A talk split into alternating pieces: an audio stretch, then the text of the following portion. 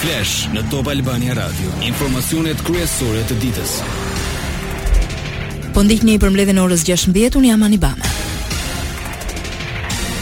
Vrasje me armë zjarri në Shkodër, në lagjen Guerrile, sot u ekzekutua Ismet Çekorja shumë pak metra larg shtëpisë së tij. 57 vjeçari u dërgua me urgjencë në spital me shenja jete, por për fat të keq nuk ia doli t'i mbijetojë plagëve të marra. Shërbimet e policisë vijojnë kontrollet me pika kontrolli në zonën përreth me qëllim kapjen e autorit apo autorëve. Katër ditë më parë, viktima foli për media duke kërkuar drejtësi për djalin e tij të shpallur në kërkim si autor i dyshuar i një atentati muajin e kaluar. Lajmet në internet në adresën www.topalbaniaradio.com. Në konferencën për shtyp nga Beogradi, Edi Rama dhe Aleksandar Vuçiq vunë në dukje se po afrohet dimër i vështirë dhe referuar krizës energjetike bënë të ditur se vendet e Ballkanit të Hapur do të jenë pranë njëri-tjetrit që qytetarët ta vuajnë sa më pak. Kryeministri shqiptar dhe presidenti serb i bënë thirrje Bashkimit Evropian të mos i braktisë si në kohën e pandemisë Covid-19, Rama tha se do i drejtohen me shkrim Brukselit për t'i dhënë mbështetje financiare që të përballojnë krizën energjetike.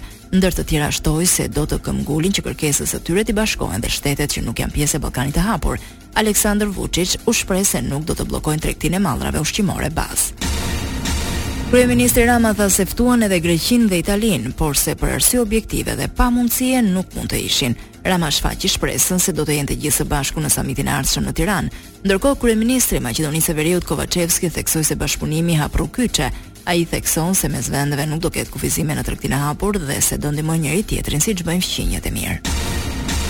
Kreu demokrat Berisha foli sot për Ballkanin e Hapur dhe akuzoi presidentin serb Vuçiç se po e përdor për t'iu kundërvënë nismës së Ballkanit, sipas tij për të vendosur hegjemoninë serbe në Ballkan dhe ndikimin rus. po e përdor për të shkatërruar prodhimin në Shqipëri dhe Maqedoni të Veriut, se asnjë rregull nuk është përcaktuar në tregun e lirë, po e përdor për të defaktorizuar politikisht Prishtinën, por kjo i dështoi tha Berisha. Sot në konferencën e kryetarëve maxhoranca dhe opozita i dhanë dritën jeshile nismave respektive përmes të cilave synohet t'i jepet fund karrierës politike të personave që në të shkuarën kanë qenë bashkëpunëtorë të ish-sigurimit të shtetit apo të favorizuar prej tij.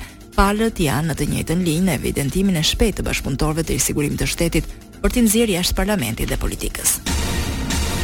Nismat ligjore të Partisë Socialiste synojnë jo vetëm ndërhyrje në ligjin e dekriminalizimit dhe në kodin zgjedhor, por edhe në ligjin e partive për të përjashtuar nga kuvendi dhe gjithashtu nga drejtimi i subjekteve politike të bashkëpunëtorëve të ish-sigurimit të shtetit. Nëse kryetari i partisë rezulton të jetë në dosjet e sigurimit të shtetit dhe nuk zbaton ligjin, rrezikon që subjekti politik që drejton të shpërbëhet.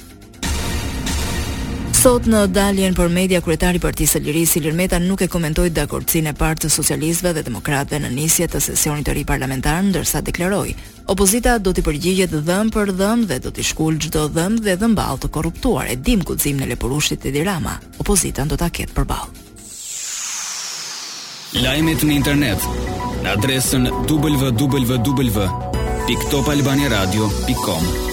Këtë javë euro e mbylli në rritje në kursin e këmbimit me lekun. Sipas Bankës së Shqipërisë sot monedha europiane u këmbye me 117.81 lek në rritje me 0.71 pikë në raport me fundjavën e kaluar. Ekspertët mendojnë se rritja e euros kryesisht i detyrohet zbehjes së efektit sezonal në kursin e këmbimit valutor. Sipas tyre në vazhdim kursi i këmbimit mund të ndikohet nga nevojat e importit të energjisë elektrike. Leku e mbylli javën në rënie edhe në kursin e këmbimit me dollarin amerikan. Sipas kursit zyrtar, dollari u këmbye sot me 117.85 lek, afërsisht 0.85 pikë më shumë krahasuar me fundin e javës së kaluar. Mbiçmimi i dollarit reflekton forcimin e monedhës amerikane në tregjet botërore dhe kryesisht në raport me euron. Rënia e euros poshtë vlerës së dollarit amerikan ka bërë që monedha e gjelbër të forcohet edhe ndaj lekut. Këtu kemi përfunduar, mirudëgjofshim në edicionin e orës 17. Kjo është Top Albania Radio.